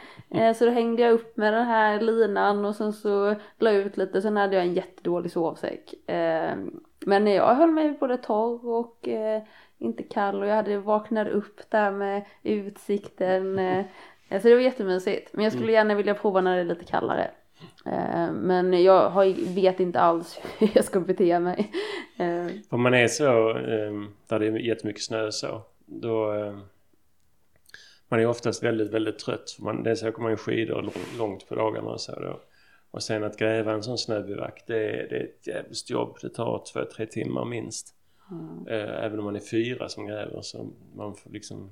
Man måste gräva ut massor med kubikmeter och ofta gräver man i en snödriva där snön är packad liksom. Eh, det blåser ju. Så efter en kam eller något sånt i berget så bildas ju den snödrivan så får man gräva sig in på en sida. Och sen får man ju också, man har ju med sig sådana snöstavar, jag vet inte, lavinstavar heter det ju emellanåt men sådana, en sån som man fäller ut liksom som blir 5-6 meter lång som man sticker ner och kollar att så att det inte ligger en stor sten precis där man gräver för det är ju tråkigt. fem sex meter? Ja man fäller ut den så blir det en jättelång eh, liksom tunn pinne. Alltså för att kolla Ja, snödjupet? kollar man snödjupet. Alltså egentligen har man ju dem för att hitta sådana, alltså om du sett någon gång när folk har blivit begravda i laviner. Ah, måste man ju hitta de som ligger under snön. okej. Då går man ju ofta och sticker med sådana för att känna om... Om det tar emot. Ja, ja exakt. Ja. Eh, Mm. Så istället så använder man sådana för att kolla att det är snödjup nog för att gräva in och göra en snöbyggnad. Ah, just det. ja. Mm. Ja, för det kan vara, det är klart, det kan ju vara fem eh, meter snö. Ja men det är klart det är. Det Jävlar. behövs ju för att gräva en snöbivack. Det, kan, det behövs så mycket? Ja, ja. Ja, min, ja, inte minst kanske men ja, i princip. Okej. Du behöver, eh, du behöver en halv meter i botten för att få till eh, liksom bäddar eller vad man nu ska kalla det. Och sen behöver du, den sjunker kanske nästan en meter på natten. Och just det, det sa jag. Så, och sen behöver du kunna, man vill gärna stå uppe så. så ja, det behövs nog tre meter och sen så vill man ju gärna ha tak uppe så det inte rasar in. Det är ju mardrömmen om, om taket rasar in mitt i natten när man ligger i sovsäckarna liksom. Ja, fy fan. Mm. Men vadå, hur mycket har man eh, när den är klar? Hur mycket är från taket till, eh, eh, vad säger man, markytan? Hur, många, hur mycket snö är det där? Alltså djupet? Om du förstår. Markytan. Ovanför Här, baracken. men att mm, snödrivans topp. Ja, så Ja. säger man ja. Ja, man kan ha allt från eh, allt från tre meter till en meter. Men man ska nog ha minst en meter. Sen det, det hålet man gör för staven kan man ju oftast ut i sidan istället. Liksom. Tre meter känns ju mycket för att det skulle rasa ihop. Ja, Du men känner det- inte med rätt Men om det är kör? tre meter så rasar det aldrig. Nej. Om det är en meter eller 70 centimeter då kan det rasa. Mhm. Det är mycket stabilare då Mm, än om det är tre mm, meter. mm. Ja. Blir det så stabilt när man gräver? Alltså konstruktionen blir, i och för sig jag har ju, jag har ju varit på is, Ice-hotell där och det var ju allting gjort i snö och is och så jag borde ju veta Mm. Det blir, hur det, blir, stabilt det blir hur är. stabilt som helst. Ja. Det är häftigt. Sen är det häftigt om det blir eh, om det är snöstorm när man gör det liksom. Och så snöar det och blåser hela natten. När man kommer ut känner man ju inte igen sig. Så det gäller att veta var man har sina skidor och så liksom i förhållande till utgången. Och om man har pulka och sådär full med grejer i sig så är det ju viktigt att veta var den står också. För den kan ju vara helt nedgrävd. Den kan vara två meter snö ovanpå ovanpå alltihop liksom. Jävlar, ja det vill man ju inte börja morgonen med efter. Ja det måste man ju ibland. Jag menar, men man vad måste ju veta på? var man ska gräva. Man kan ju inte liksom Ja. irra runt var som helst. Och jag slängde mina skidor här bort och jag ställde nog pulkan där nere för backen. Ja, Utan det måste man ju ha full koll på liksom. en militär disciplin. Ja. Ja. Men militärdisciplin behöver det inte heller vara. Det, det är disciplin ska man ju säga. Därför att om man är... Alltså det är inte, det är inte helt ofarligt att vara på fjället mitt i vintern. Nej, nej det, Så det man, man måste ett. ha lite koll liksom. Ja, Och man måste veta att om ficklampan eh, går sönder så måste jag ändå kunna hitta alla mina grejer i ryggsäcken. Så man måste veta i vilket fack man har lagt vilken sak liksom. mm. Och var har jag lagt snusdosan och sådana grejer. Snuset är ganska viktigt Mm. såklart. Mm. Det är ju också när man vaknar så är ju det första. man- Nej men jag tänker mer på att man måste liksom ha koll på vad man har med sig och var man har det. Ja, Eh, Så man kan hitta torra strumpor och allt möjligt liksom. mm. Mitt i mörkret när man inte ser någonting. Ja, det känns eh, som att jag har rätt mycket att öva på. Jag vet aldrig var jag har mina grejer. Och det funkar ju i en situation när man inte är i sådana situationer. Men det, det är ju sent att börja öva när man väl är där. Absolut, det ska man göra innan. Ja, Och det är bara att gå in i ett rum hemma där det inte finns något fönster och släcka lampan och träna. ja. Hur lätt som helst. Mm. Sen nu för tiden så bor man ju egentligen inte i snöbivack på samma sätt som man gjorde då. Nu finns det ju jättefina fjälltält som inte väger så mycket som man kan ha med sig. Eh, Och är man en mindre grupp, om man bara är fyra man som är ute liksom eller sådär på något uppdrag eller så, så är det ju lättare att slå upp ett sånt stormtält liksom som man kan ha när det blåser. Sådana som de har när de klättrar på Kebnekaise så då, då har de ju sådana tält som liksom kan klara en storm liksom. Ja, just det. Ja. Har du några tips hur man lär sig sluta klia på myggbett också? Låt dem sticka i Ja. ett år eller två. Sen, eh, sen så, så blir du immun. Jag har ju varit jättemycket uppe i Norrland och framförallt på sommaren i Umeå och så när vi var där. Så det, de, de stack ju hela tiden och till slut så gav jag bara upp och lät dem sticka mig. Alltså när man lägger sig i en sovsäck och ska sova på natten så la jag över ett sånt nät liksom. Så de inte skulle komma in och sticka mig. Men Men annars så, det var bara att ge upp och låta dem sticka in och sen nu sticker nästan aldrig myggor mig. Är det så? Mm. Men kli, om, du, om de väl kliar du på dem om de sticker dig? Nej, jag försöker låta bli. Ja. Det är det... Hur, hur, är det för meditation? För du, du kan ju meditation och så här Mm. så det kanske har med det att göra. Lite har det väl det, men sen man kan ju ta sprit. Ah. alltså jag, jag tror i och för sig, jag tror det är en skröna att det hjälper. Desto mer brusad man är desto mindre attraktiv är man för mygg. Men Det kanske är något i det. ja, jag, några gånger har jag trott på det. Fan vad mycket mygg det är. Ja, Nej men jag tror... ursäkt att supa. Nej, men jag tror att... Eh, eh, jag, tror, jag, tror, jag tror faktiskt inte de, om man har någon tiondels promille i blodet och så, så tror jag blodet är mindre attraktivt för dem. Mm. Men sen, sen tror jag att eh, eh, om det kliar, om man har ett myggbett, så kan man bara dutta på lite alkohol liksom Ja. så brukar det gå ner. Det är ju ett gift de sprutar in liksom. Som behöver eh, försvinna.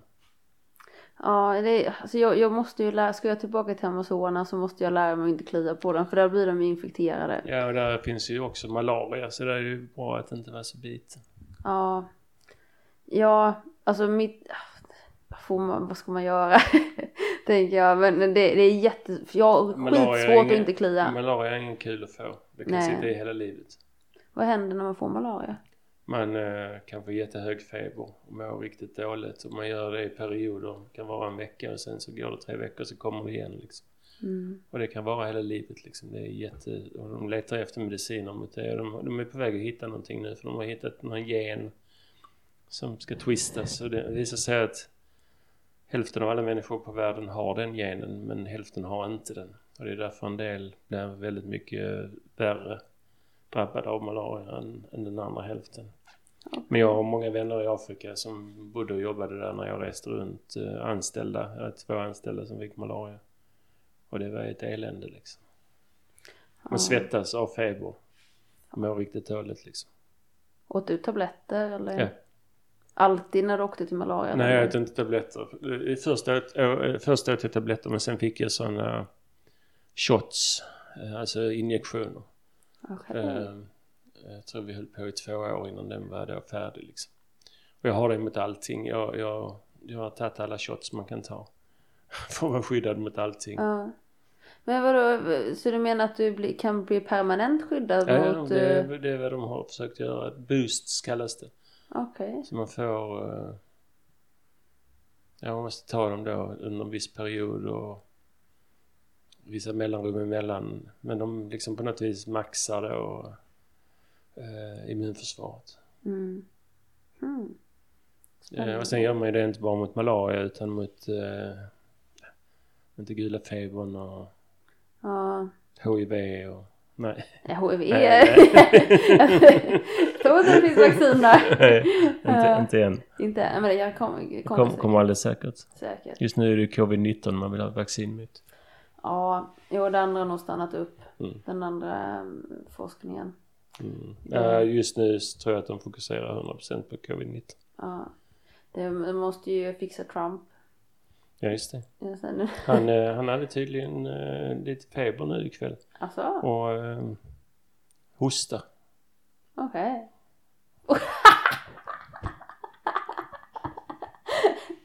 Fan alltså. Trump, ja det är en lirare. Det får man säga. Det New York. Times hade ju räknat ut hur många gånger han hade ljugit. Det var Aha. 27 000 gånger sen han tillträdde. 27 000 uppenbara bevisade lögner. Och det är ungefär en i timmen sen han kom till, kom till makt. Okej. Men vad fan, vil, hur har, vilken jävla undersökning? Det måste ju vara jätteomfattande. Jo men de har ju följt honom hela tiden. De tyckte det var fel och de tyckte att han vann på tvivelaktigt... Eh, alltså Hillary Clinton fick ju fler röster. Men han eh, lyckades ju vinna för att han fick de staterna med de flesta delegaterna. Men är det ju så deras system Ja, fungerar? ja, ja, ja, ja, och det är klart man måste följa det ju. Men det För är det- därför han blev president. Men, men de har ju hela tiden, de har ju följt honom sedan dess. För de vet ju att han är ju eh, på ett vis en misslyckad affärsman. Han har ju miljardskulder liksom. Mm. I sina